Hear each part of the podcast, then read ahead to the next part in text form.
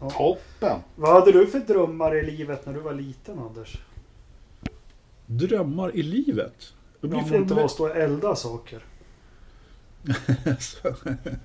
ja, du tänkte så. Nej, Han, men han, han ville bli flygvärdinna. flygvärdinna, ja. ja. Varför inte? Det vore något. Jag var för lång för det tyvärr. Men eh, Formel 1-världsmästare är väl helt okej. En dröm. Men gick åt helvete det med.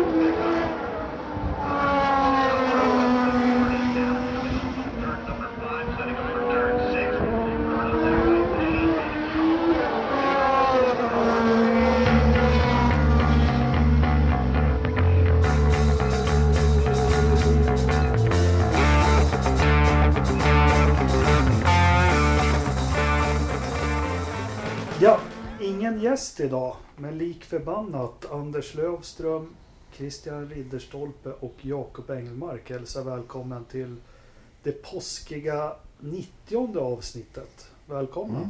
Och tack. Tack så mycket. Ja, det är i och för sig lyssnarna jag säger välkomna till, inte till er. Men Jaha, okej. Okej, förlåt. jag, tar, jag tar tillbaka mitt tack. Fast det här signalerar att det är min podd och jag bjuder in er.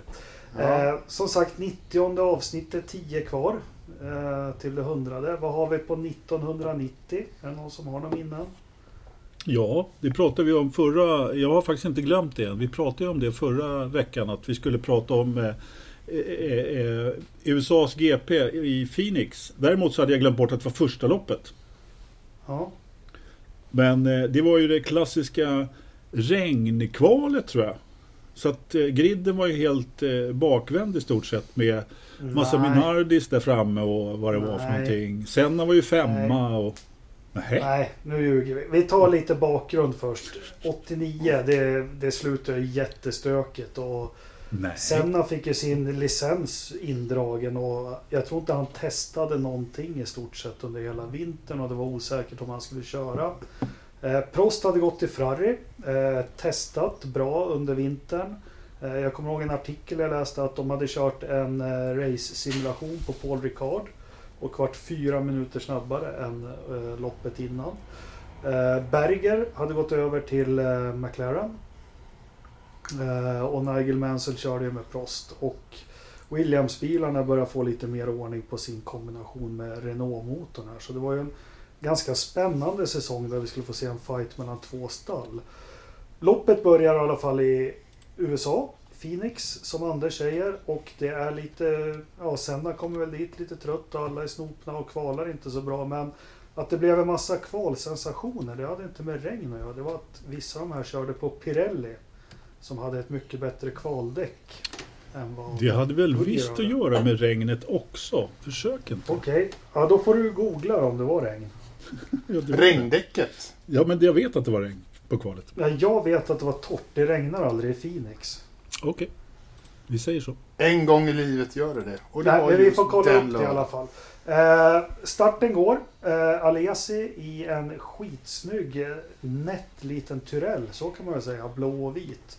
Eh, Du, som Jakob. än inte hade fått en... Ja, Unexpected rain in qualifying led to a grid with Gerhard Berger on pole position with Pierre Lugin, Luigi Martini second in the Minardi. ja fake Vadå news. kolla upp? Fake news. Ja, ja, ja. Mina Kör barn nu. får lära sig i skolan och inte lita på Wikipedia. Jo men absolut Anders, du har rätt. Eh, Men sen var det även att Pirelli, då var det ett bättre regndäck de hade för kvalet. Eh, Ja, Ja. Eh, starten går i alla fall och Alesi i sin nätta fina lilla Tyrell blåvita som än inte hade fått höjd nos.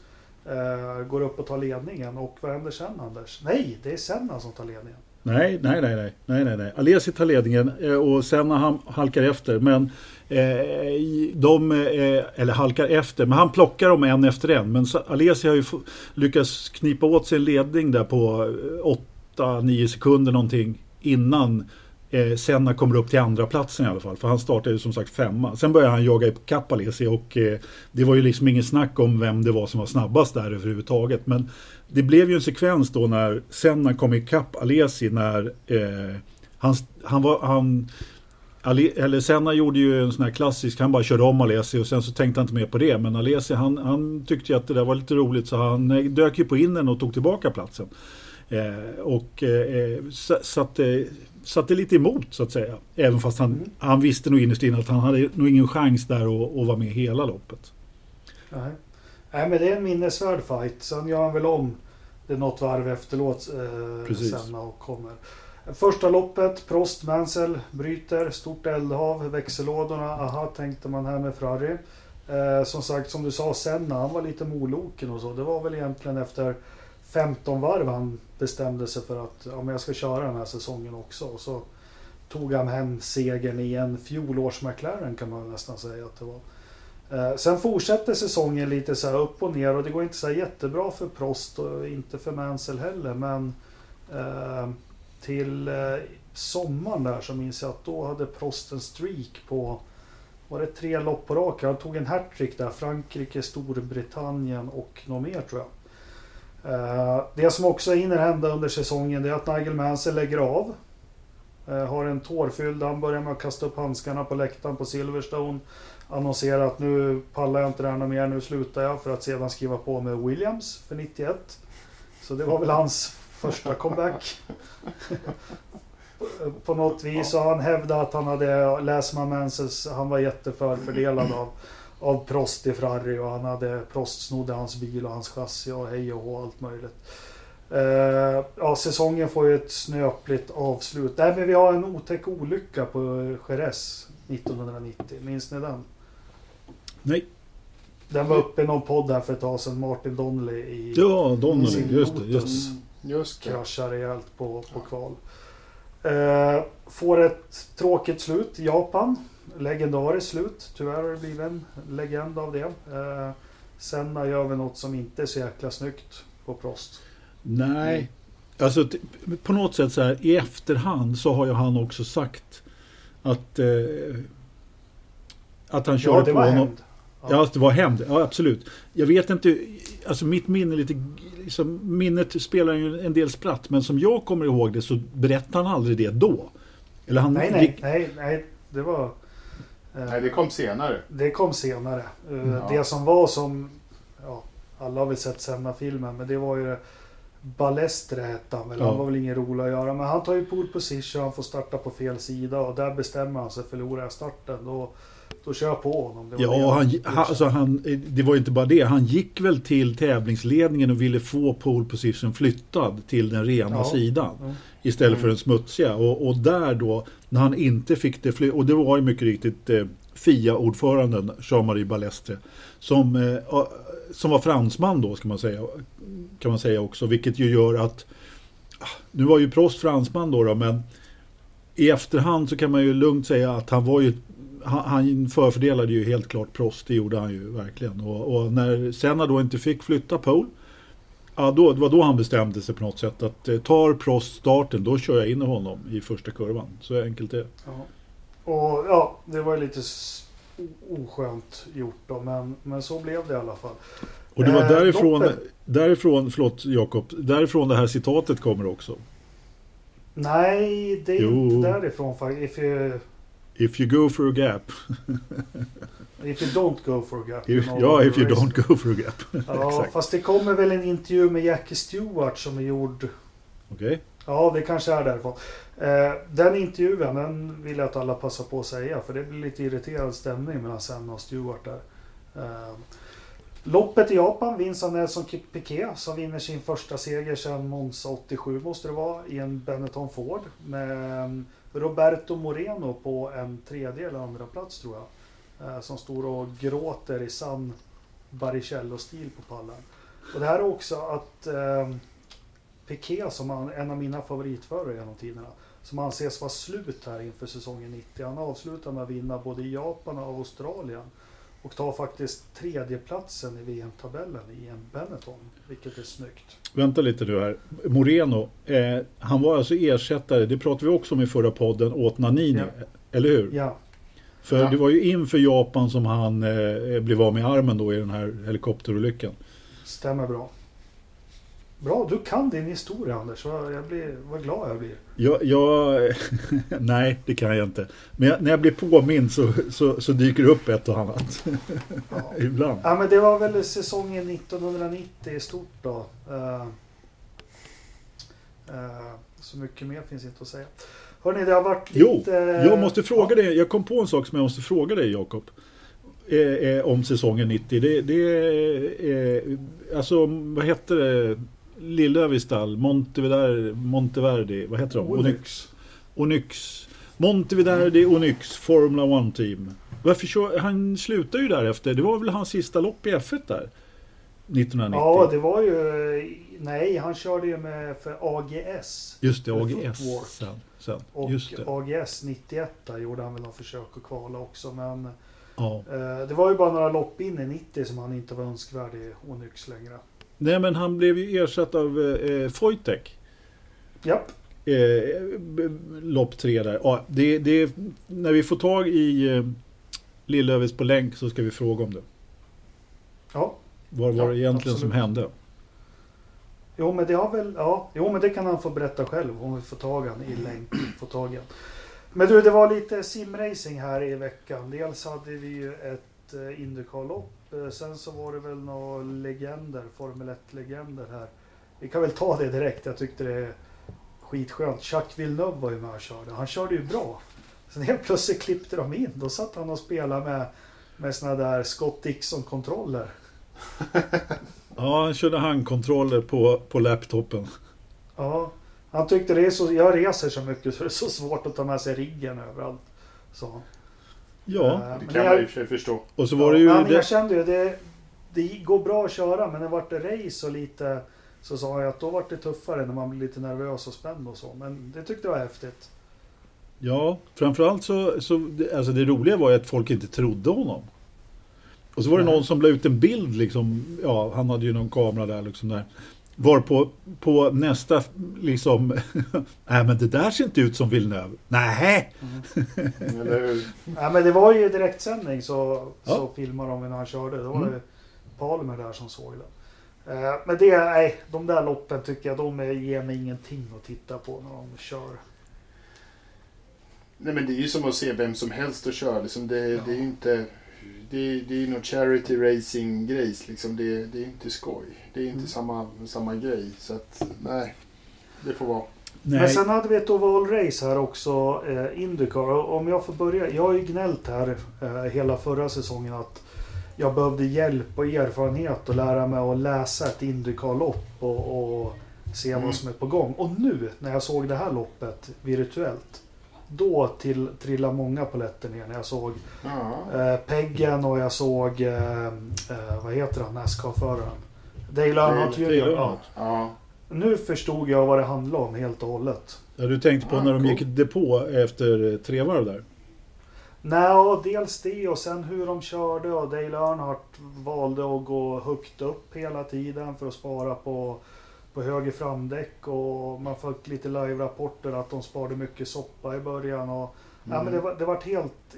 Ja, men det, det trillade, sista poletten trillade ner för mig i alla fall. Att kunna förstå ett sånt här lopp lite bättre. Och att, kul för dig då? Händer. Ja, det var väl kul. ja, det var väl kul. Ja. ja men, det, men, det, men alltså, eh, ovalracing har ju faktiskt... När, när man väl Eh, kommer in i det så finns det ju så enormt mycket som man, man måste hålla koll på och liksom följa och, och allt det där. Så, jag, tycker, jag börjar gilla ovalracing mer och mer. Det är ju nästan så jag ska börja kolla på Nascar bara för, bara för att. Liksom. Jo, det tror jag har lite med ens ålder göra. För ett ovallopp, det är lite att se, ja men det är lite som när man var, när man var liten och se franska öppna och så var det Wilander mot Lendl i en final. De spelade i sex timmar, sex timmar. och stod i ett, varsitt hörn och skar bäcken till varandra. Och det, det gillar man ju inte. Man vill ju se Pat Cash mot Boris Becker i Wimbledon när det bara small hela tiden. Men, ja, ja. Eh, ja, men jag håller med dig eh, Ridderstolpe. Alltså, för mig, ett virtuellt race fick mig att förstå tjusningen med det ja. helt och hållet. Och ja. eh, att det är inte bara att de sitter och kör runt, runt till vänster. Det är ju så Nej. många komponenter ja. en helhet. Alltså jag skulle vilja säga så här. Alltså jag gillar ju två, alltså långa lopp med strategispel. Eh, vare sig det är Indycar eller om det är eh, eh Formel 1. Men du drog ju liknelse med tennis där, men då, då kan man ju säga liksom att ett, ett Indycar-lopp på, på Long Beach, det är ju Pat Cash Boris Becker medan eh, ovalracingen, ja men det är ju länder mot eh, Villander, baslinjespel på ett helt annat sätt. Jag, jag, just den här strategimatchen när man flyttar, flyttar lite, lite grann bara liksom, som kan få ett ganska stor... Alltså gör man någonting i början eh, väldigt litet så kan det få väldigt stor utväxling i slutet på loppet. Ja, men lite som man raggar får man ligga. Ja, lite så.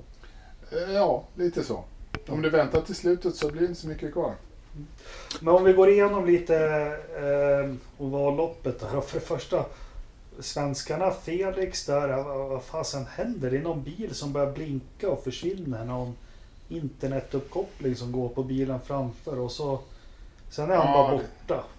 Ja, och sen försvinner han ju helt och hållet där. Det är ju, det är ju hur många bilar som helst som bara kraschar runt där. Ja, men det händer ju något med, med någon bil där som försvinner. Ja, ja. ja men det är väl bilen, bilen framför någonting som ligger... Vad, vad startar Felix? Typ femma? Nej, Nej två, längre bak. Trea. Eller? Nej, det var Nej. Marcus som ja. Ma Marcus startade längst fram. Ja. Ja, han var längst fram. Men, och Felix var inte så jättelångt bak heller. Men det var någon bil som fick strul med internetuppkopplingen och, och försvann och kom tillbaka och så, och så gick det åt skogen för typ 20 bilar där eller någonting. Mm. Nej, det var hur många som helst ju som bara kraschade runt. Det var en rejäl eh. Vad hände, vad hände med Marcus då? Ja du. Jag vet det är inte som vet? Jo då. Nej, ja, alltså Marcus själv säger att de, fick, de tappade tid i depån. Eh, jag såg någon tråd att det var någon som sa att det var något strul med någon bakvinge sånt, eller något Han fick... på fem, 15 sekunder. Nej, de la ju ut, det, någon har ju lagt ut det påstoppet på Twitter. Och då står han okay. bara där och kör lite fram och lite bak. Ja, men... På. Ser ut som något har blivit fel. Han fick ett, ett unexpected, ja, vad fan det nu hette för någonting. 15 sekunders tillägg för att eh, bakvingen var trasig som de behövde, som de behövde laga. Så han fick stå Aha. i 15 sekunder extra. Det var det som sket hans race. Fan vad surt, ja. för han, han hade ju något bra på gång kändes som. Ja, ja. han låg ju bra till, absolut. Ja.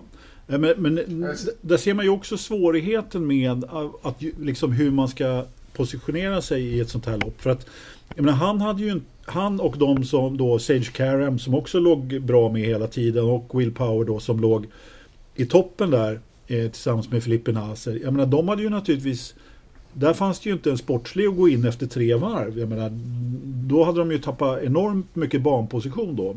Vilket då de lite längre bak i fältet kunde göra. Så, så ja, men det är intressant att se hur, eh, hur, hur det sket sig eftersom alla de var ju tvungna att gå in i depå då. Och ta och, en och, splash och Will Power, han är ju Will Power, han ska ligga först. Ja. ja, det är liksom, jag alltså, var i mattan från början. Ja, de böt ju placering där, jag vet inte hur många gånger han och Sage Karam Nej, men det... Ja, men sen var det Pagano och ja, som vann. Och men, Arnhart blev väl lite hindrad där sista varven, va? känns som. Eller han hängde inte riktigt med.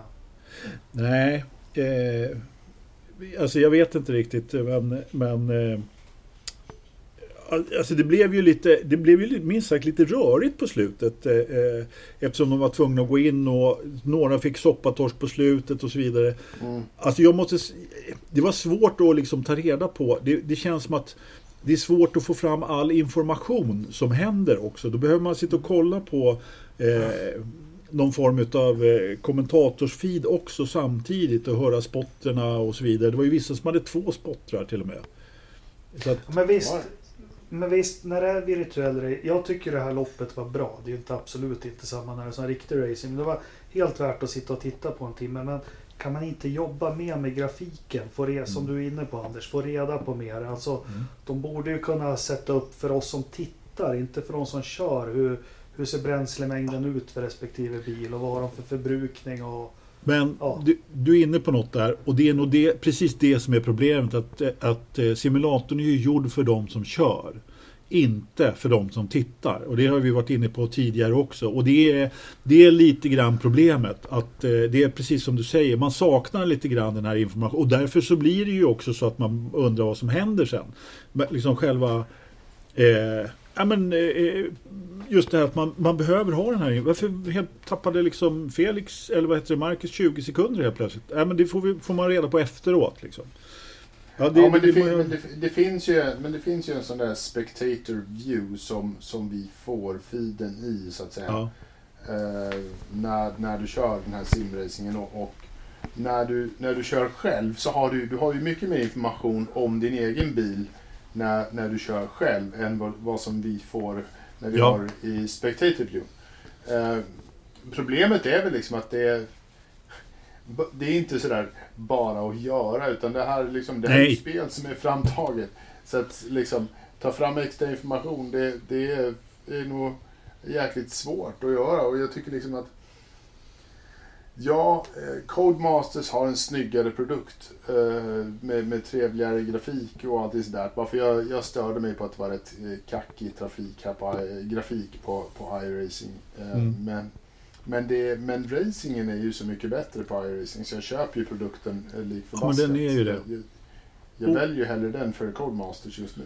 Ja, men absolut. Visst är det så. Nej, men eh, det, alltså, det går ju inte att klaga på iRacing-produkten på det sättet. De har ju blivit inkastade och så helt plötsligt så är det hur många som helst som sitter och tittar på det. Ja, men det är väl det är ju självklart liksom att det inte går att bara presentera en annan produ produkt. Alltså, vi, har varit in, vi har varit inne på det här förut med Formel 1 produkt versus Indycar. Ja. Nu har ju faktiskt Max Verstappen, han skiter i att köra ja, ja. Fett. Han, han, han kommer köra eh, Supercars i Australien istället. Ja. Jaha, okej. Okay. Uh, uh, Nej, men bara det. Liksom. Men, jag ja, men hela helheten, vad hade vi nu också? Men som får lite känsla. De hade varit Chevrolets sportchef som var med mm. i sändning. Ja, ja. Och då tänkte ja, ja. fan vad häftigt är det här. Tråkiga tider men nu kör vi det här. Det är lite prispengar och ja.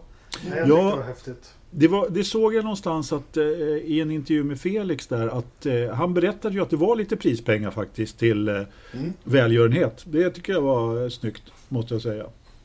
Mm. Helt klart. Ja, var det till välgörenhet? Har inte jag hört. Men det var roligt. Det var bra. Ja, fast man... det körde de ju även i det här Legender Formel 1. Det var ju... Ja, 10 000 eller någonting som man kunde ja. bjuda på till någon. Ja, vi får se. Vad, vad, tycker ni annars om det? Nu, nu har vi sett några lopp. Det är absolut inte som riktig racing, men visst fan fyller det lite av det behovet man har. Ja, jag, jag gillade ju... Nu lopp ovalracet tyckte jag eh, om. Eh, på riktigt. Jag tyckte det var spännande och, och jag hade velat ha lite längre lopp. Nu, nu känner man så här, men nu är jag inne i det här. Nu kan vi köra på en, en, en stund till. Eh, liksom, kör lite längre. Mm. Jag håller med dig Ridderstolpe. Det är, helt, det, är, det är det jag saknar också faktiskt. Just det här, man får inte riktigt den här längden på, på, eh, på loppen så att det, det hinner utkristallisera sig liksom allt. Jag, jag, skulle också mycket gärna vilja köra lite längre. Men jag, samtidigt så var det ju så här också att jag var lite så här, det här när det här ovalracet skulle köras, bara nej, måste de köra en oval? Jag vill hellre se ett, eh, ett en road course till liksom. Men nej, det var, jag tycker att det var väldigt intressant. Det var skoj att se ovalloppet helt klart. Men ja, minst, jag var spänd. Ja, nej men för jag kan säga så här att jag börjar tro att den här eh, covid-19 pandemin den, den är förmodligen fabricerad av Logitech. Eller hur? För min, den här, min, min största påverkan av detta är att jag helt sprang och köpte en rigg, inte en rigg, men ratt och pedaler. Du, köpt... du gjorde det? Ja, ja. ja. Jag, jag såg, såg bilden, men jag trodde du hade det sedan tidigare. Nej, nej, nej. Nej. nej, nej, nej. Jag har köpt Vi vill bara inflika att att eh, den här teorin om vem som har spridit covid-19 den får stå för Anders Lövström. Det är inte, ja. det är inte Forza-poddens officiella eh, nej. hållning. Nej, det är det inte. Nej, nej. men jag, jag var tvungen Vi lutar mer på att något har gått åt helsike på någon, på någon matmarknad i Kina faktiskt. Ja, okej. Okay. Ja, vi, vi, får se. Det, det är inte heller Forza-poddens officiella hållning.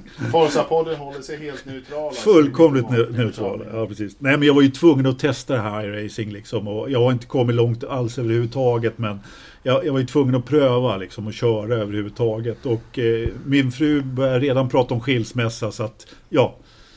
Ja, ja Men jag kan väl bara säga också Anders, jag såg ju bilden precis som ratt och sådana pedaler som du hade köpt. Ja. Jag sålde mina för fyra månader sedan. Det var ju jävligt bra timing. timing, vilken Ja, timing! Ja. Perfekt. Men, men så är det när man, när man behöver en slant. Då får man sälja saker. Ja. Vare sig man vill eller inte. Nej, jag är också inne på att kanske försöka. Hur funkar det att sätta fast det på bordet som du hade gjort? För det var därför jag sålde mitt. Jag, jag fick inte till det något bra liksom. Nej men alltså det, det, är, det är viktigare än man tror att få till körställningen skulle jag säga. Mm. Eh, hos mig funkar det faktiskt förvånansvärt bra. Men jag fick ju, det första jag fick göra var ju att gå ut och snickra en ram till pedalerna så att eh, Ja. de inte for iväg. Liksom, så. Nej. Så att, eh, men, Jag, jag, jag inser att jag inte ska börja berätta om den där aluminiumriggen som jag hade till min ratt och pedal och hela stol och hela kittet. Jo, berätta. Ja, nej, jag- ja, men jag hade ju det. Fast jag sålde ju den för jag fick ju aldrig köra själv. Men jag hade en hel rigg. Det var aluminium eh, byggt så du kunde justera längd till pedaler och, och till ratt och sånt. Och så var det en, en, eh, en gamingstol eh, som satt fast där i eh, hela kittet. Ja, just det. Det var värsta grejen. Så hade jag satt, så monterade jag upp den på en, en trärigg med hjul under så jag kunde flytta den lite lätt här i, i rummet här hemma. ja. Jag hade fan letat upp någon bild på den som jag har Va, någonstans. va, alltså, varför sålde du den då? Ja, det, för att jag fick ju aldrig köra. Mina barn övertog ju datorerna så fort de landade i huset. Så det fanns ju aldrig tid. Men jag körde en del. Jag körde lite Project Cars 2 med VR-set och, och sånt där. VR-brillor och sånt testade jag ett tag. Och det var ju faktiskt vansinnigt roligt. Ja. Ja, nej men jag har blivit, helt klart blivit lite hooked här. Så att eh, vi får väl se om jag... Jag har inte ens kommit så långt att jag har kört mitt första lopp än, men eh, ja, det kommer säkert. Vi får Ja. se. Jag ja, filar lite. jag, ja. ja, jag kan säga, jag sålde det, men det är precis som ni är inne på, ni som kanske funderar på att köra. Jag, jag fick inte, jag var bara irriterad på att sitta på och skriva. Jag fick aldrig till det liksom. Och, och då blir nog inte upplevelsen bra. Nej, Nej. nej men det, det, det, du, har, du har en stor poäng där Jakob. Därför du behöver ha en bra plats att sitta på och, och ett bra skrivbord. Jag, jag, hade, jag hade ju också en ratt tidigare för länge sedan när jag körde Colin McRae och Toka 2 och sånt där. För, nu pratar vi jättelänge sedan. Och då hade inte jag heller den där jag tror jag fick skruva fast skiten i något bord till slut. Liksom. Det funkar inte Mm. riktigt. Så att, nej, men det behöver, man behöver ha det här liksom, ordentligt. Ja. Ja, ja. När går nästa lopp? Har vi koll på det? Eh, Nej, faktiskt inte. nej, Inte jag. inte jag heller. Men det borde vara form, riktigt Formel 1-lopp till helgen eh, som kommer nu. För de skulle ha två veckors uppehåll. Eh, så att det är väl ett F1 Codemasters åtminstone till helgen. Det var ju någon som la ut en jättelista på iRacing eh, som hade någon eh, racinglista med timetable och, och vilka lopp som körs och vilka tider och allt sånt. Och hur mycket lopp som helst som körs ju nu. Ja. Men du, gå vidare lite vad som händer förutom att de håller på och bygger respiratorer och sånt. Det är alla som inte gillar Formel 1 och, och som frågar mig. Jag går ju runt och skryter om hur fantastiska det här är. Alltså, de bygger och konstruerar saker i den här covid-19-krisen. Men det som är mycket, det handlar ju om ekonomi nu. Eh, Mm. Vår försvunne vän Ternström, han la ju ut någonting på vårt forum som Dieter Enken hade skrivit lite om hur den här ekonomin kommer slå och vilka stall som är most likely to ja, bankrupt och vilka som fortsätter och så. Men det första jag tänker på som kom ut, som oroar mig rejält, är att Williams har tagit lån på 500 miljoner kronor. Mm. Ja, mer än så. Till och med 50 miljoner pundingar tror jag. Ja, och intecknat sina historiska bilar. Då. Ja. Eh, Hela vagnparken, inte bara de historiska. Rubb, rubb och stubb. Eh, för mig som har en svajig privatekonomi, nej det har jag inte, jag skojar bara när jag säger så. Men inte det här när man tittar på Lyxfällan och allting, det är början till slutet. När man liksom lånar pengar till dagliga driften för att, det känns som att låna pengar för att kunna betala räkningar på något vis. Ja, frågan är varför de, de hur, hur illa det måste bli för att kunna för att de ska göra en sån sak. Alltså, det här är ju ett, alltså hur heligt är det med, med de här gamla bilarna eh, för, för stall som Williams? Bryr de sig om de behöver, om de tycker de att så här, äh, det där är ändå lite gammalt så det gör inte så jättemycket. Nej. Om, om de får stå på museum, vi behöver pengar till något annat. Eller varför, Nej, men de har ju en stor, de har ju en stor apparat och det är ju Clairs brorsa Jonathan. Ja, precis. Han driver ju hela det här och de har ju förare och mekaniker och, och de är väl de efter eller ihop med Classic Team Lotus som verkligen satsar på det här och, och, liksom håller det igång. Uh, så det här blir väl en liten nagel i ögat igen på, på, på lillebrorsan där, att han ska uh, plats. Men det jag tänker på det är inte någonstans att nu har vi lånat en halv miljard uh, för att bygga en ny vindtunnel eller en ny fabrik eller vad som helst. Utan Nej, precis. Det här är för att betala ko- liksom, löpande kostnader i stort sett.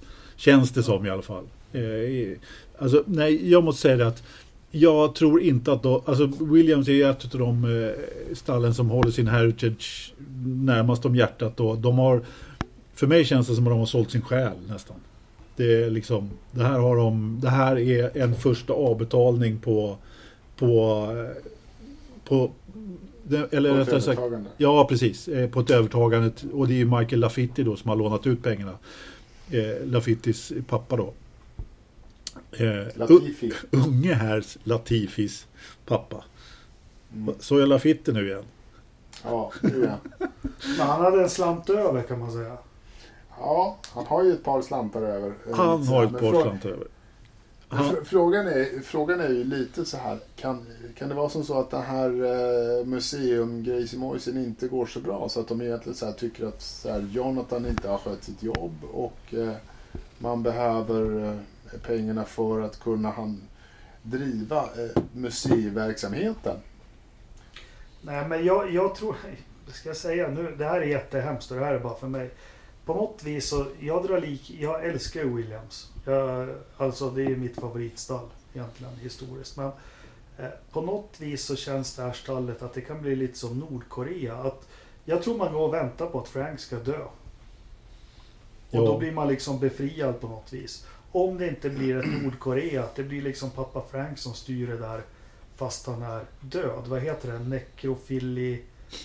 Ja, det kallas ju något Nordkorea. Ja. Alltså att den som styr landet är en död person. Men eh, det verkar vara så jäkla mycket nedärvt i pappa Franks resa. Var han kommer ifrån, vad han har gjort. De sätter väldigt mycket prestige i det. Så jag tror den dagen han avlider så blir det nog... Det kommer bli skitjobbigt. Det kommer bli skitjobbigt för Claire att hantera det de, de första två... Klarar hon två år efter hans död så är det fan bra gjort. Eh, om hon kommer så långt. Ehm, Varför det, det är ju verkligen så allt handlar ju om Frank Williams. Det är ju han som är stallet. Om han, när han dör, liksom, det, då tappas ju hela själen. Det kommer bli svårt tror jag. Mm. Ja, men eh, jag, jag är helt klart inne på din, eh, ditt spår där Jakob, att de väntar på att Frank ska eh, kolla vippen och sen så säljer de till, eh, till, till kanadicken. Det, Ja. det, så ser det ut, helt klart. Men jag tänkte om det är okej med er, för det Dieter Renken har gjort, han har gjort en rangordning 1 till 5. Där 1 är highly likely to stay, 2 likely to stay, 3 det är 50-50 either way, 4 ja, det ser jävligt illa ut och 5 då är det kritiskt. Mm. Och då har han rankat teamen utifrån med covid-19 och vad de har sagt tidigare och vad de har för ekonomisk status. Så han börjar med Mercedes. Eh, att de får betyget 4. Okej. Det är ett jobbigt läge. Japp. Att det är inte kritiskt men det är jäkligt, det är likely att, ja, att de inte ska vara med. Och eh, remaining as a engine supplier, då får de en 3.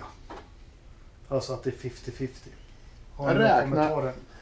Det känns lite grann som att han räknar lite kallt med att Mercedes kommer att eh, pull the plug eh, efter... Ja, så snart de tycker att det känns eh, ett bra läge att dra. Vilket kanske är snart då. De har ju vunnit massor. De har inget kvar att bevisa.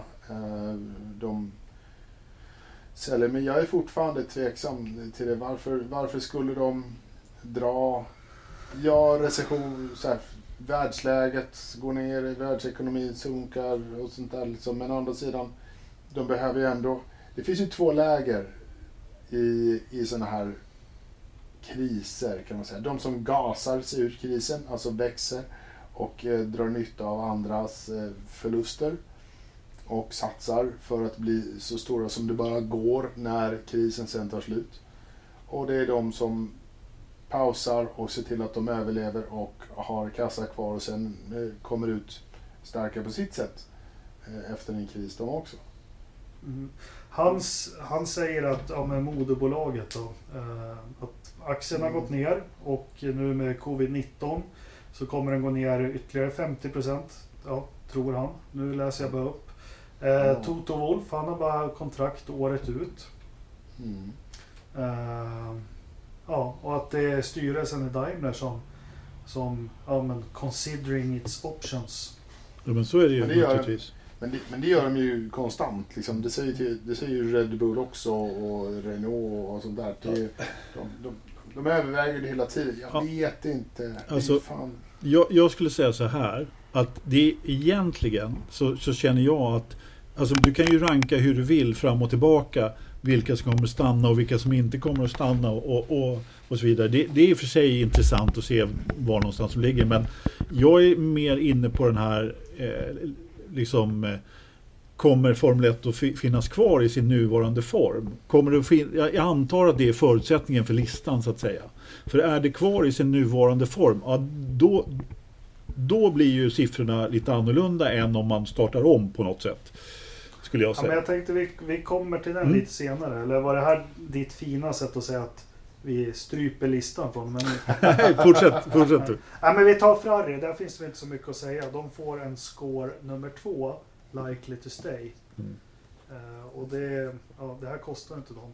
Eh, Red Bull, de får också en tvåa. Men om Honda lämnar så, så spekulerar han i att det är en fyra då, att de kommer lämna.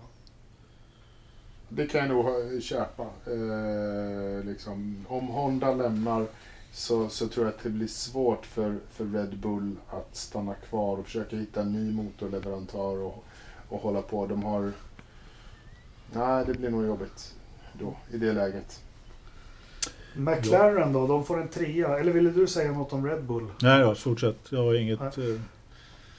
McLaren, starka ägare, men vi har Zac Brown som vi har läst också. Han pushar ju ganska hårt för att få ett förminskat, eller ännu mindre, budgettak. Men det som man, Dieter Enken skriver här som man ser, det är att eh, eh, han säger att marknaden för Indycar och VEC är mycket bättre för McLaren.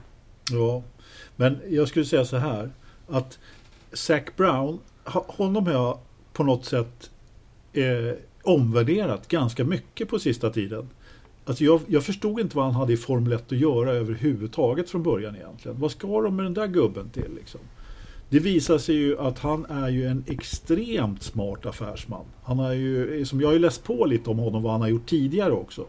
Så att det här med att han vill ha ett ännu mindre budgettak. Det handlar bara om att han ska sätta McLaren i ett bättre läge inför fortsättningen. Jag skulle säga att McLaren är lika säkra som eh, Ferrari att vara kvar. Utan att blinka faktiskt. Yes, ja, jag köper det. Okej. Ja. Ja, bra. Ja. Renault en fyra och Renault är ju svajigt hela tiden men oavsett covid-19 här så tycker väl Dieter Enken att ja, det går inte så bra för bolaget och det har varit mycket med Gors och det har eh, ja, aktien och hej och hå och allting men om de ska stanna så behöver de göra om hela management och då tycker han att eh, få dit Fredrik Vassör. Det är liksom Det- deras chans.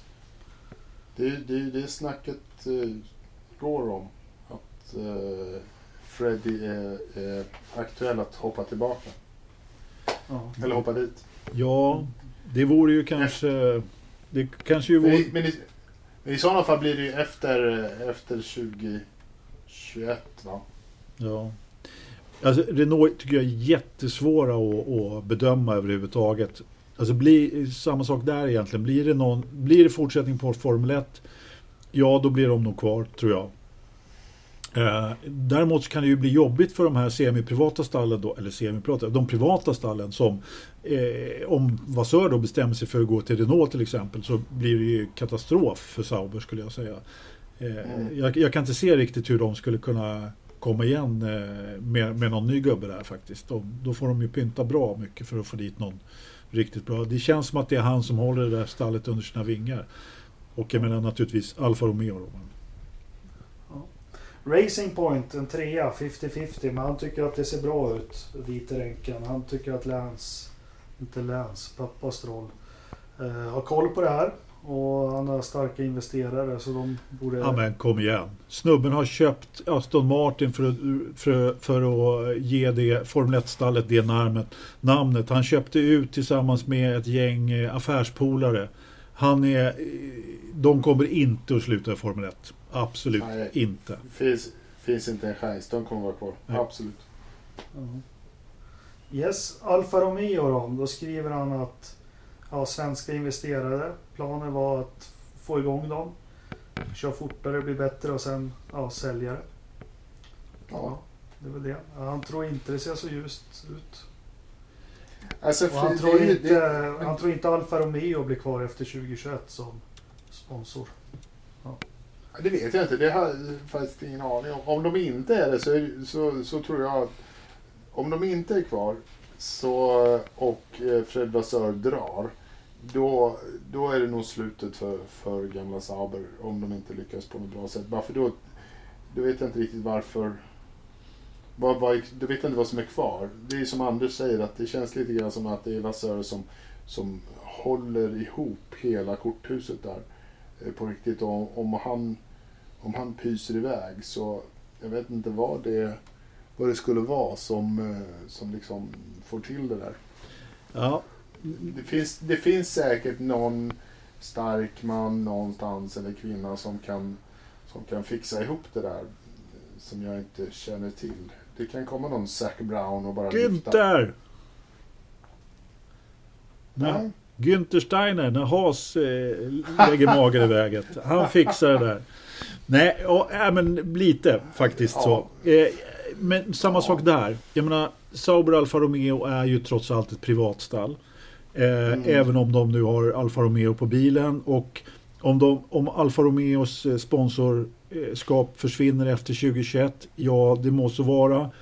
Eh, men då är, man ju, då är man ju ett fristående privatstall ut i fingerspetsarna, vilket man egentligen inte är med Alfa Romeo eftersom man på något sätt, den här politikdebatten då med motorerna, men utvecklas Formel 1 till att bli ett, ett mästerskap utan speciellt många fabriksstall.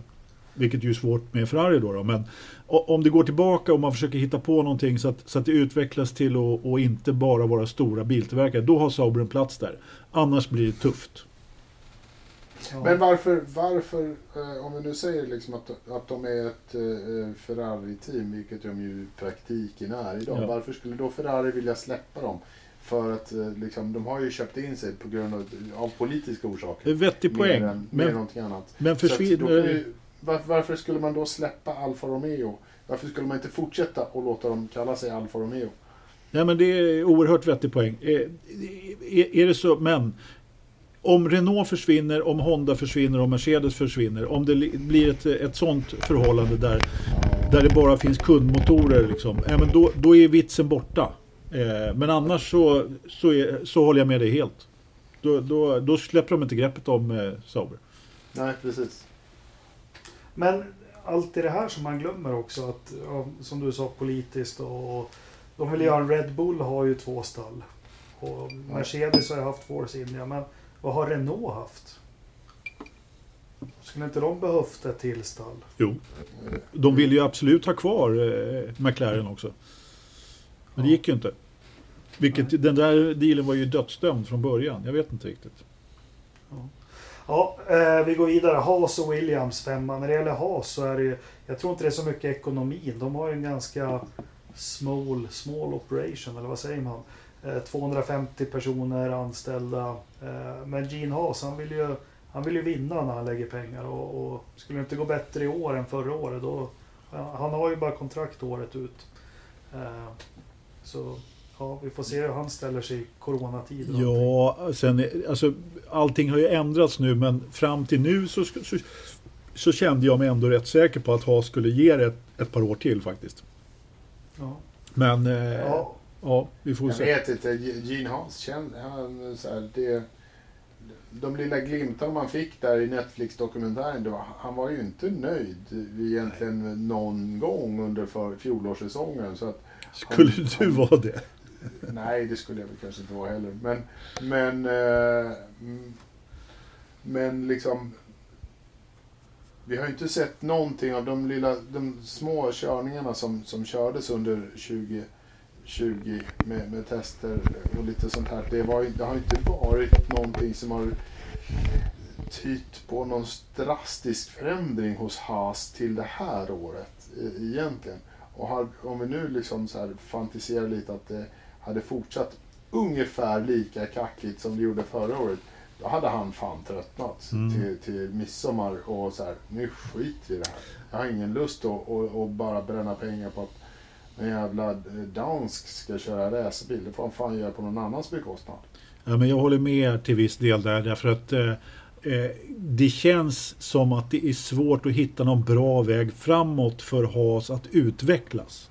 Eh, mm. De har liksom nått sin potential på något sätt och, och, och kom, man kommer inte vidare riktigt. Eh, nästa steg i raketen finns inte riktigt där. Jag kan i alla fall inte se den. Nej, alltså de satte ju sig dessutom helt självmant i den båten. Mm. Att de skulle bara köpa in saker och köpa så mycket som möjligt. Vilket gör att de har inte någon egen, egen, av egen kraft så kan de inte hitta några förbättringar som gör det så pass mycket bättre att de kommer ut och vinner och, och verkligen fightas med Ferrari. För det kommer aldrig att ske i ett sånt, i, i det här smarta, som alla säger, liksom smarta sättet att köpa in sig i, i Formel 1 på. De, de har också satt sig in i båten som aldrig kommer att gå fortast. De kommer aldrig vinna ett lopp. Liksom. Aldrig, men kommer aldrig vinna VM. nej, nej. Nej, men det gör de inte. Så är det ju. För att de har inte, om de inte har en egen, eh, en egen förstår... möjlighet att utveckla det hela själva och styra utvecklingen helt själva så kan de inte göra det bättre än någon annan. Men förstår inte Gene Haas det här? För, eller tror han fortfarande att det här är Indycar, jag köper grejer från Ferrari ja, och jag har chansen att vinna?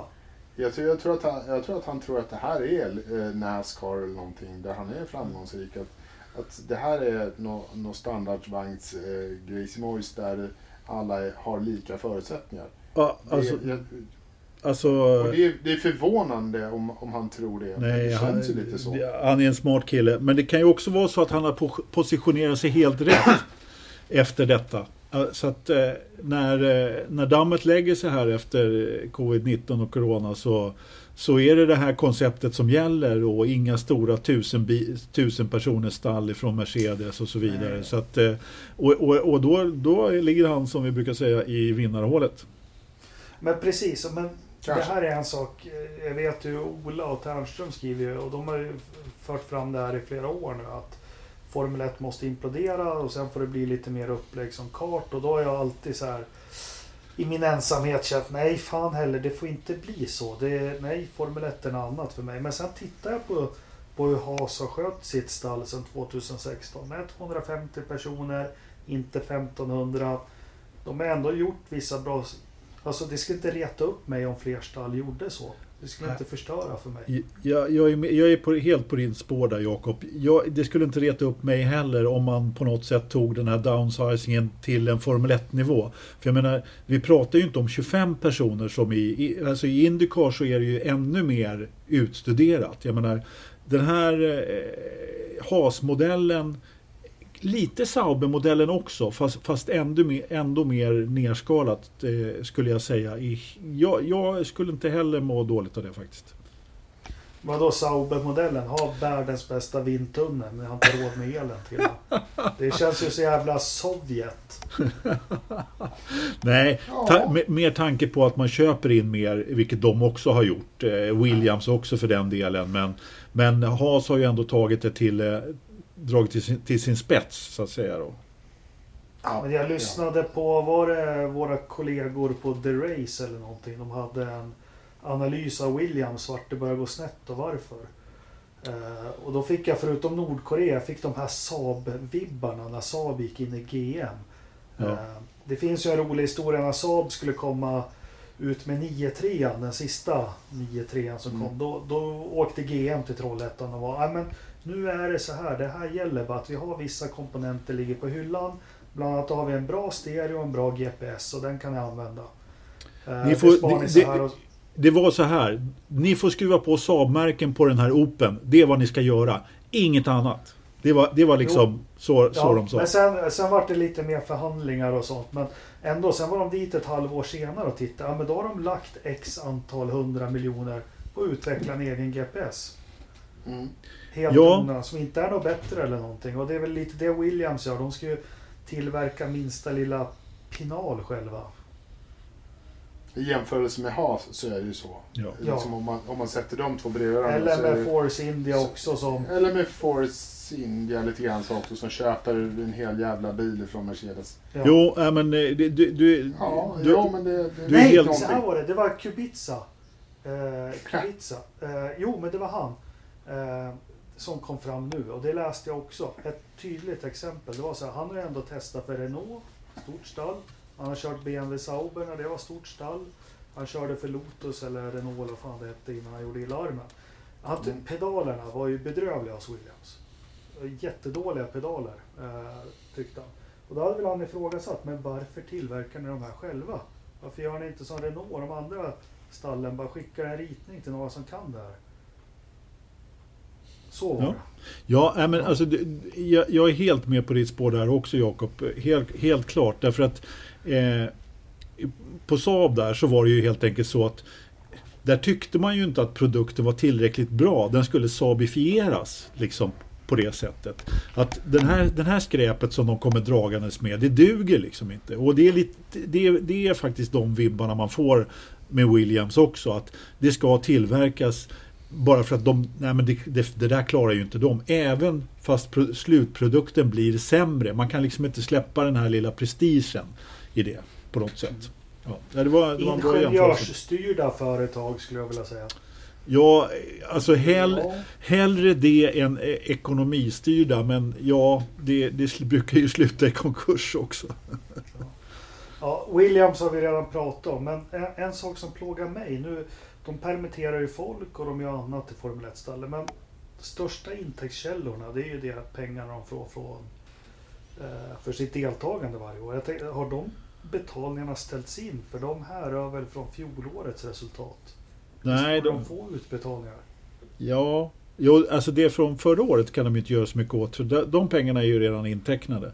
Så att eh, där, där har, de pengarna har de ju fått så att säga. Det är ju för eh, alla, det är tv-pengar och prispengar och eh, allt vad det är för någonting. Det, är- det, de, det är ju för omsättningen som var 2019 så det har ju ingenting med 2020 att göra.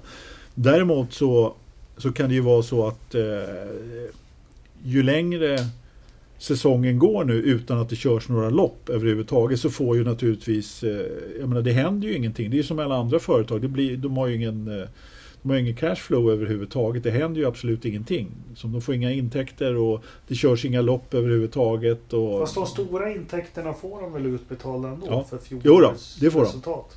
Det får de definitivt. Men det är fortfarande mycket andra, andra affärer som görs och sponsordeals som de inte får inbetalningar för och så vidare. Så det är ju därför också som de vill till varje pris ha igång säsongen. Därför får de igång säsongen och kan köra 15 lopp, ja då har de räddat eh, det mesta som går rädda, det som räddas, det som räddas kan. Blir det nu som de pratar om att de ska köra igång säsongen. Jag vet inte, det, prat, liksom det här med utan publik. De säger att ja, men utan publik i Europa kommer, eh, kommer säsongen att köras igång. Det var ju Ross Braun, Braun ute och sa här tidigare. Jo, men... Nej, jag tror inte riktigt på det om man ska vara helt nej, ärlig. För det nej, funkar det inte där, med... Det där, han är ju en samlad herre. Liksom. Ja. Han gick ut och sa att ja, men vi kör igång i slutet av sommaren och det kan bli utan publik. Vi kapslar in alla som reser och liksom bara till banan. Ja, men, alltså länderna tar ju inte emot. De Nej, kommer ju inte ta emot folk och resa. Alltså, det där var en panikgrej. ja, det Men det kändes så. inte, men, men det, det, det spelar ingen roll. Liksom. Det, det finns ju begränsningar. Du får inte vara mer än 50 pers i, i, i, i området. Ja, I och Sverige är det till. Ja. I Sverige liksom. Men alltså vad fan det är två personer i Italien eller Tyskland vad det nu är. Alltså så här, det här är ändå, du, kan, du kommer inte kunna byta däck på en Formel 1-bil utan att vara för många människor in, i, i samma område. Liksom så här, det, depåpersonal är för mycket folk där. Liksom, Alltså huruvida man lättar på restriktioner och det kan börja komma igång lite sportevenemang. Ja, alltså det kan vi ju, det kan vi ju gissa om till mans Ja. liksom. Men, men de vill ju naturligtvis ha. Men jag tror, det jag, jag tror inte på eh, på, på lopp utan publik faktiskt. Eh, Eftersom intäktskällan för... Nej, men, det, det, men de kommer ju inte kunna... Nej, jag, jag står vid det fortfarande. Jag tror just nu att det blir ingen Formel 1 i år. Alltså punkt slut. Det blir. Och sen, jag, jag vet inte, Australien, blev det inställt eller uppskjutet? Är det uppskjutet? Ja, och det vet jag. Min pappa, så han, ju, han och hans sambo skulle åka här nu efter. I juli skulle de åka till Australien.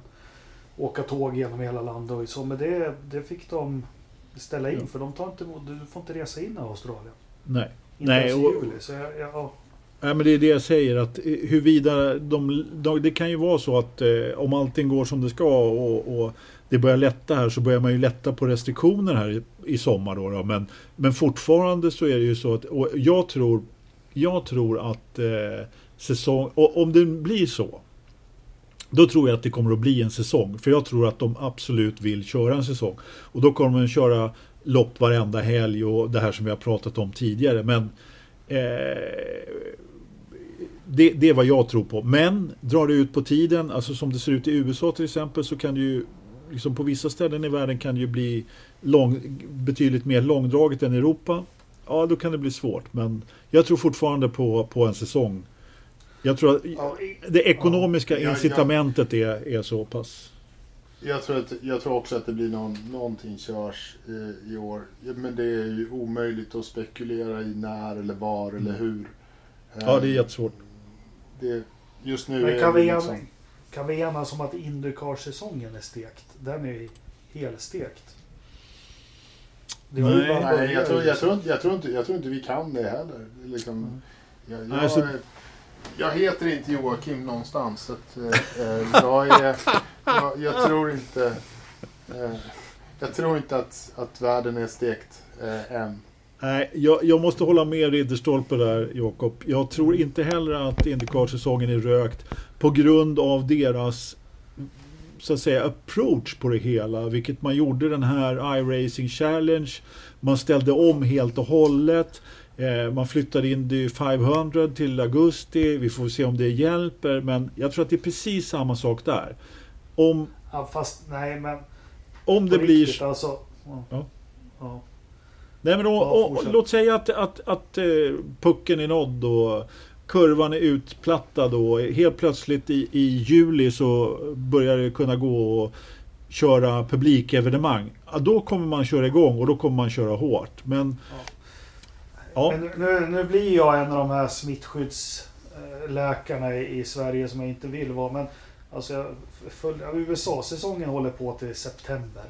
Och nu är det ett stort utbrott i New York. Sen ska det här spridas i hela landet. Alltså, det finns inte en möjlighet. De har ju inte nått pucken på långa vägar heller. Och sen, nu får ju de äta upp att folk inte har sjukförsäkring eller någonting. Det här blir ju jättedrabbat i USA. Men Nej, jag tror inte det. Jag, jag kan inte se hur de ska kunna köra. Sen kan jag inte se att Indycar som organisation liksom.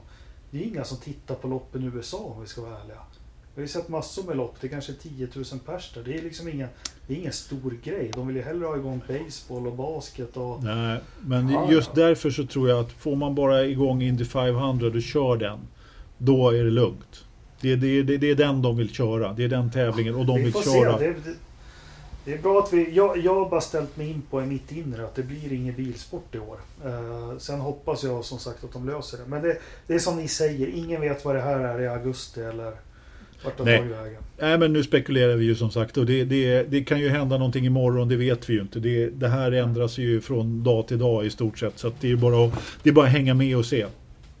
Jag tror ju du Anders, du sitter ju på vaccinet men du väntar tills du får tillräckligt mycket slantar för det. Eller hur? Eller hur?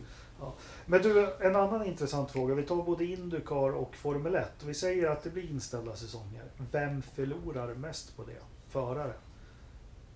Vilken förare som förlorar mest? Ja. Vilken förare. vi säger som Felix var on the roll nu i Indycar. Uh, Vettel, hur bra är det för honom att få en paus? Hur, Han är nog en av Leclerc de som, som... också var på gång liksom. Och, Bottas kommer ju sluta. ja, Okej. skönt. Ja. Ja. Ja, hans kontrakt han- går ut. Han, hans kontrakt går ut så det är ingen som kommer att förnya det. Ehm, Hamilton är ju så här, han, han förlorar ju inte. Här, för honom är det väl lite så här skitsamma om han slutar eller inte slutar efter, efter den här säsongen. Han, han, han kommer nog tycka att han har bevisat sin, eh, sin storhet ändå, liksom, även om han inte vinner sju VM. Uh, Han, han kommer inte sluta. Han är bara glad att få ett sabbatsår där han kan sälja sina vegoburgare. Det är lugnt. Ja, ja, precis. Nej, Men han har ju inte... Han... Vem, fan kommer förlora mest? Romain Grosjean kommer aldrig Ja. kunna bevisa sig som någon värdig förare. Liksom. Han Yes. får inte chansen igen. Han kommer att vara en förlorare på det här. Precis som Kevin, Kevin, Magnussen ja. kom, kommer också vara en förlorare på det här. Ja, Det, men det är ju de liksom andra... Giovinazzi.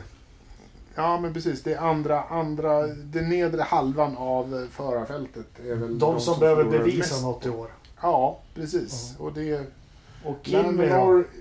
Aha, fan, han skiter i vilket. Ja. Eh, ja, nej, men det skiter vi. Lando Norris och George Russell behöver ju inte bevisa någonting. De, de har redan bevisat att, Ja. de, att de är attraktiva förare för framtiden. Precis som Alex Albon, Max Verstappen. Åh, vem mer? Jag vet inte. Kviat, jag vet inte. Han kanske kan ha någonting att förlora på det. Ja. Kanske. nej, men Skaffa ett barn till och, och liksom börja bli familjefar på riktigt. du, du har helt rätt där Ridderstolpe i att det är de som eh, lite hänger på gärdsgården. De här som har, har sitt sista år på kontraktet och har lite att bevisa. Det är de som förlorar på det. Helt klart. Blir det en, en säsong nästa år då, då kommer det nytt friskt folk in där. Så är det. Mm. Men vet ni vem som vi absolut kan säga morsning och adjö för alltid? Tyvärr, säger jag. Nu behöver jag inte lägga någon värdering hit, men eh, Fernando Alonso har ju ändå hållit på och försökt. Han har ju hoppats jättemycket på det nya reglementet, att det ska bli mer rättvist och allting. Han är ju totalt rökt nu. Mm. Nu är det kört på riktigt. Ja, för det blir inget nytt Ja. reglemente och det blir ingenting alltså. Så det, ja. Ja, men så är det. Ja, det flyttar, flyttas ju bara framåt år för år. Liksom. Nu är det två år bort. Liksom. Så här, det kommer inte, han, han, han kommer inte vara där då. Liksom. Nej, men det blir spännande att se vad det, vad det här tar vägen. Usch. Eller det blir inte alls spännande. Men vi får se vad det tar vägen. Ja, Eh, spännande det börjar- kan det ju vara, men ändå. Det börjar pi, pipa iväg. Gör det? Eh, Ja, eh, det börjar göra det. Ska vi ta lite frågor? Ja, det kan vi göra. Ja, Vad säger du om det Anders? Är du bekväm med det? nej, inte riktigt.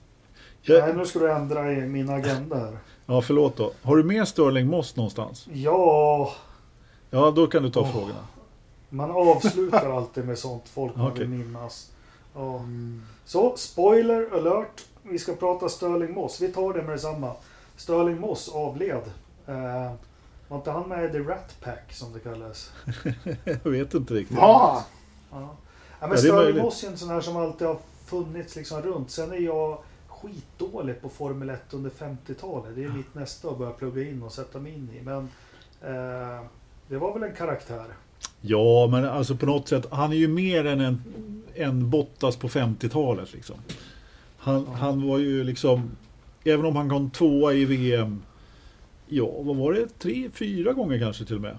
Han rankas ju som alltid etta, den som eh, bästa föraren som inte vann ett VM. Ja, precis. Alltså, det, det, alltså nu, Enzo Ferrari. Han eh, rankar ju då Sterling Moss. Han, han sa någonting i stil med att det, när vi pratar om de bästa förarna, det finns bara två sa han, att prata om överhuvudtaget. Den ena är Sterling Moss och den andra är Tassi Novlari. Jag vet inte hur mycket man ska lägga i värdering i det. Sterling Moss körde aldrig för Ferrari, men han Ja, var han trots allt bra med piska av Fangio hela tiden också. Ja, precis. Och det finns ju faktiskt lite stories om det. Jag, vill inte...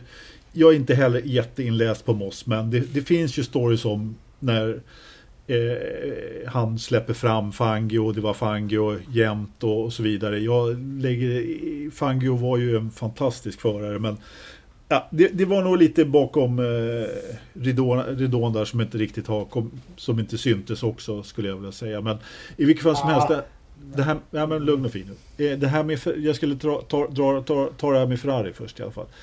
Eh, han körde aldrig för Ferrari, han körde aldrig för Enzo, men han hade ju ett oerhört gott öga. Enzo hade ett oerhört gott öga till Stirling Moss i alla fall.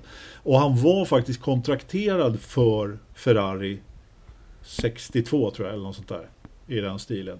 Men han, han, han hade en olycka där 61 på ja, Englands GP. Alton Park eller något sånt där konstigt? Ja, jag kommer, inte, jag kommer faktiskt inte ihåg Goodwood nu vad det var.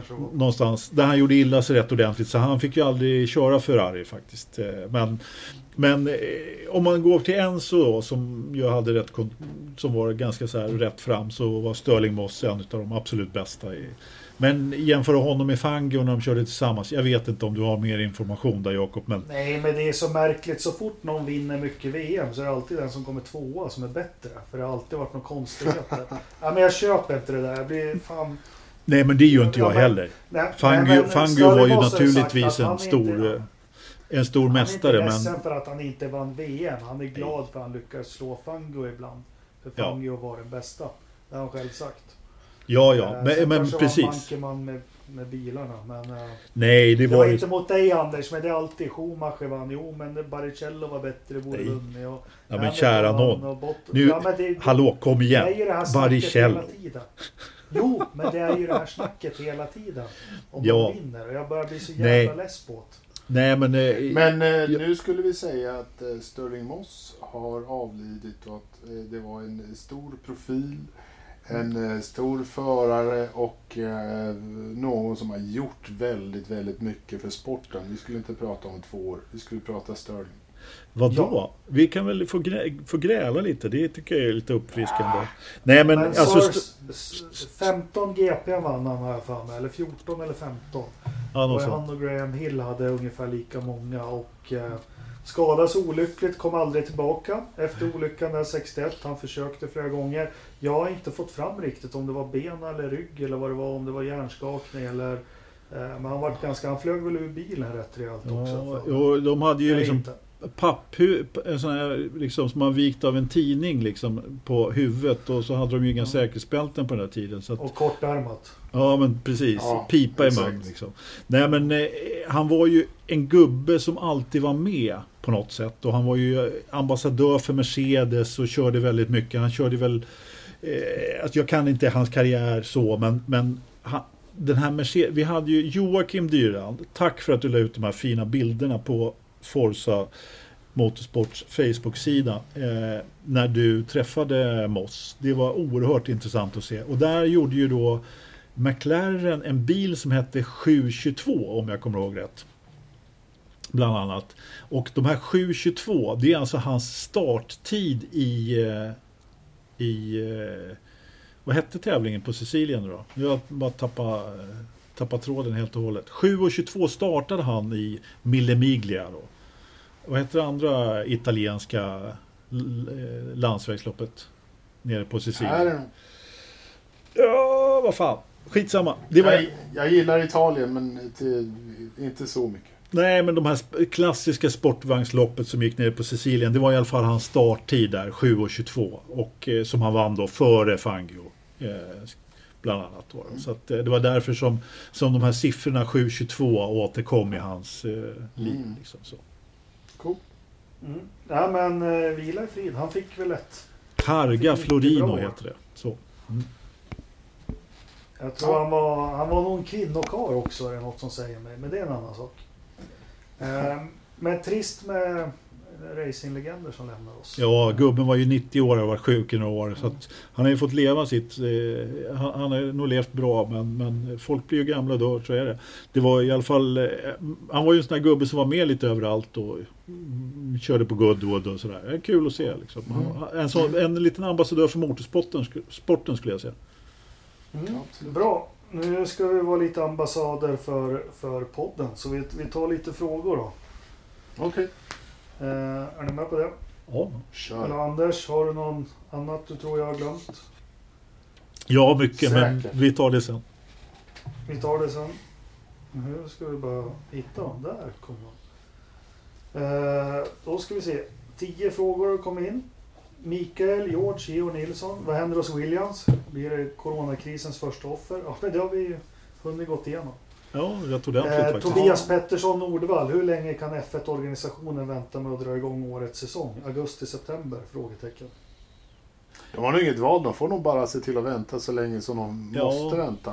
Så fort det går att köra så kommer de att köra. Så att det, Ja, det, är inte, det, det är inte deras beslut tror jag, utan det är nog världens beslut. nej och sen så det är ju många som säger att nej, men det, det är lika bra att ställa in säsongen och nej vi ska inte köra och ditten och datten. Jag är rätt övertygad om att eh, har man bara någon form av möjlighet så kommer man försöka köra och jag tror någonstans att det är alltså så länge man kan köra 15 lopp räknat, det är bara räkna där i kalendern egentligen och se vad, när man senast behöver starta för att kunna köra de här 15 loppen. Det, det är där någonstans gränsen går tror jag.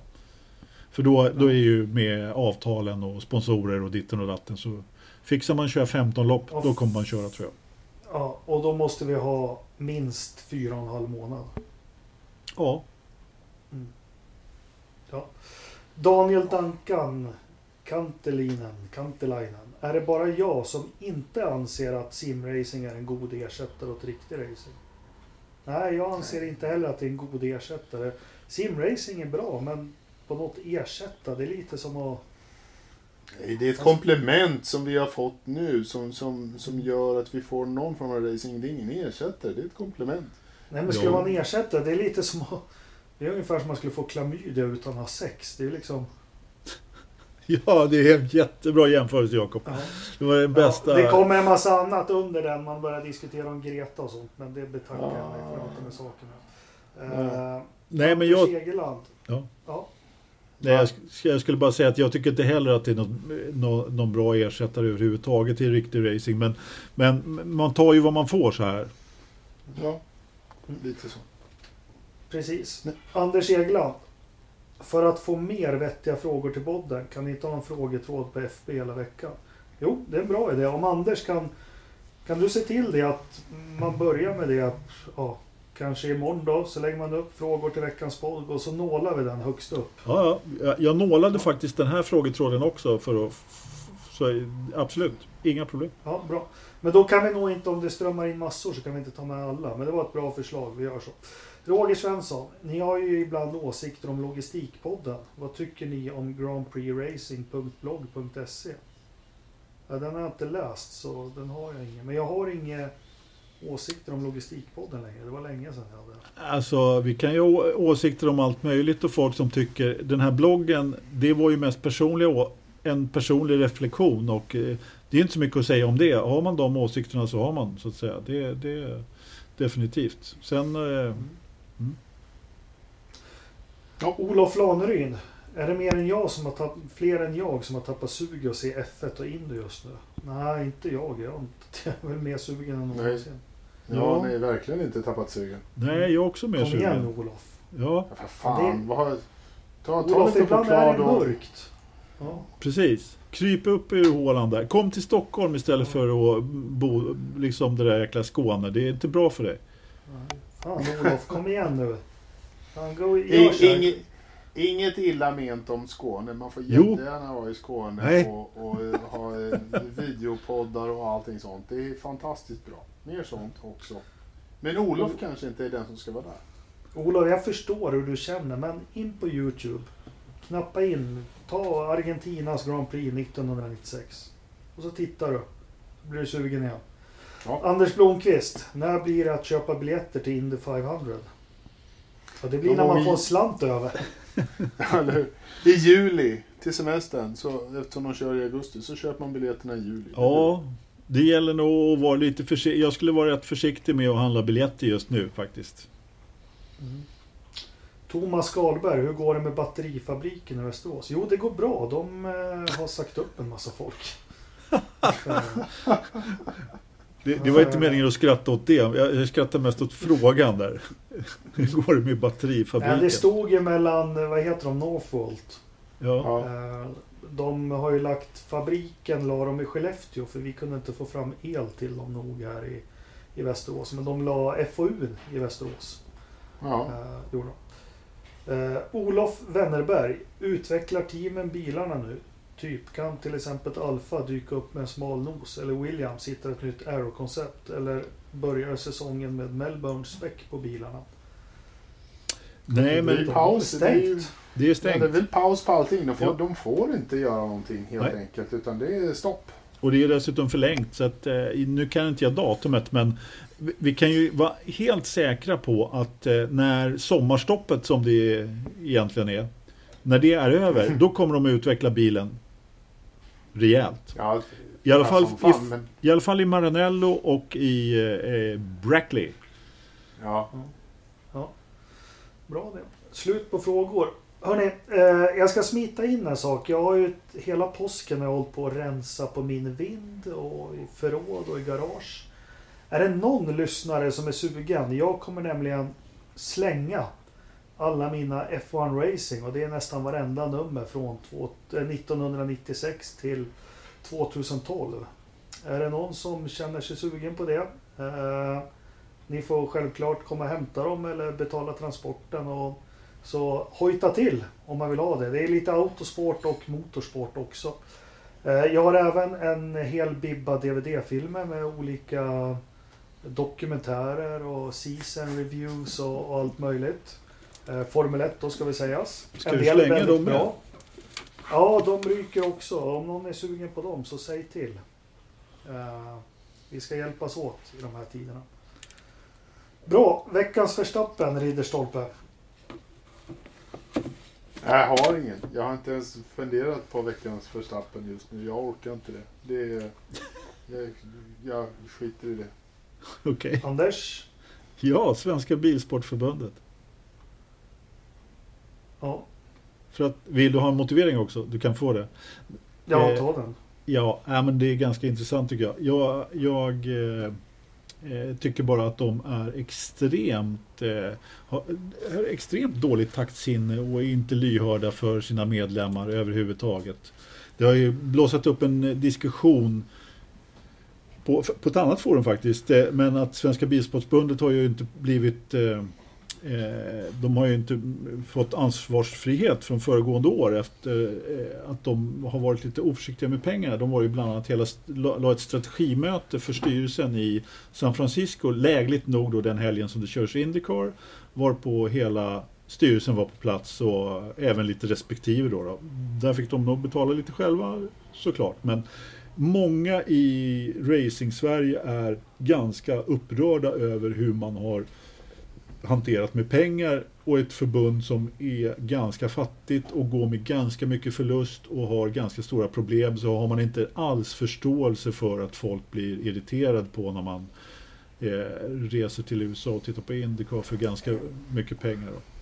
Det är min förstappen. Ja, jag håller med. Och är du med i ett förbund eller en förening så Mm. är du ju där på grund av dina medlemmar. Du får inte vara så tondöv. Sen Nej, förstår jag att det här har inte bara med resan att göra. Men nej, eh, långt den är ifrån. Lätt, den är ju lätt att ta fram sen. Men jag tycker det, det så mycket jag har varit med i idrotten och så. Att du företräder dina medlemmar.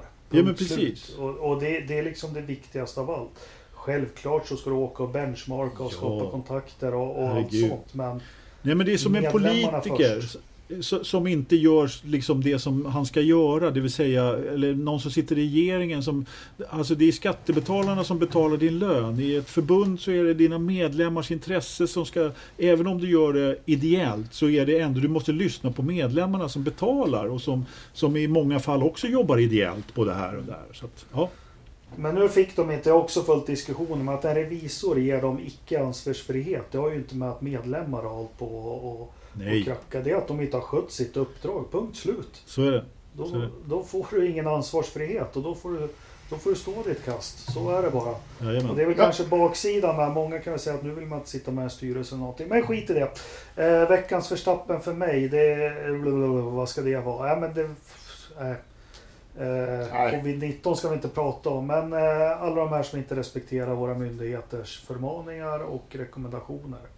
Eh, det blir veckans förstappen för mig. Fan, vi måste eh, hjälpas Klass. åt och få, få bort det här. Ja, en klassisk koppling Ja. till motorsporten. Där. Ja, ja förlåt då. Det är lugnt ja, men vi kan inte köra. Det blir inget DTM på Anderstorp. Nej, det är sant. Nej, hemskt. Uh, Ja, vi hade sett fram emot det. Ja, det hade vi faktiskt. eh, då ska vi se. Ja. Nu ringer min son här också. Det kan ju bli en, eh, det kan ju bli en tävling fortfarande där. Det vet vi inte än riktigt. Nej, det är sant. Det kan ju fortfarande hända saker. Den är också bara uppskjuten. Ja, precis. Eh, ska vi ta lite väder då? Ja, Ja, tycker jag. är det nog väder? Nej, Jag får- Jag vet. slut. Alltså jag såg någon bild uppifrån västra Härjedalen där, där det var snöstorm och allt möjligt. De hade jättejobbigt, eller jobbigt, men det blåste och snöade som bara den. Är det, Ja, här har jag, det har blåst i Västerås, det kan jag lova. Eh, träden ligger som plockepinn. Eh, lätt molnighet, 1015 hästar. Det är 3,7 minusgrader ute.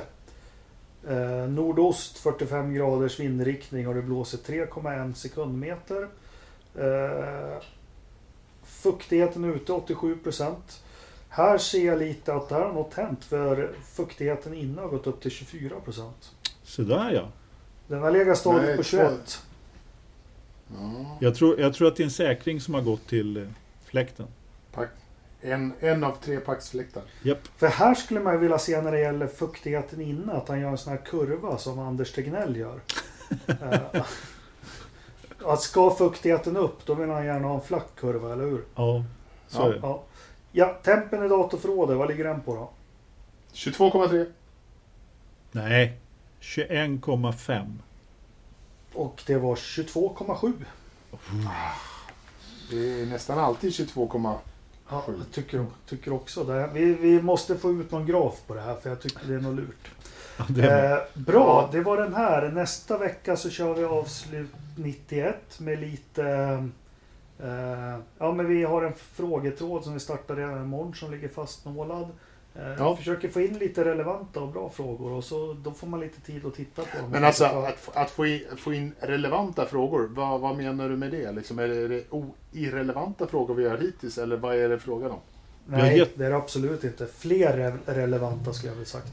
Ja, alltså, Ja. Problemet är väl att det kan bli liksom lite urspårning där, men vi får, det ordnar sig. Nej, men att folk kanske har lite längre tid på sig att ställa relevanta frågor. Ja, så Det, kan det vi titta igenom dem också och kanske svara på relevanta frågor på ett bättre sätt. Än, Ja, Precis. eh, får Och fan. Jakob, när blev du seriös egentligen? Ja men nu, och vet ni vad? Nu är det så här, Swish-kampanjen är avslutad. Eh, Så vi ska avsluta det här poddavsnittet med en liten slinga där vi tackar alla personer som har bidragit. En del har bidragit med, ja, jag blir rörd nästan med ganska mycket. En del har bidragit med lite mindre men alla bidrag har varit lika välkomna och gjort oss lika glada.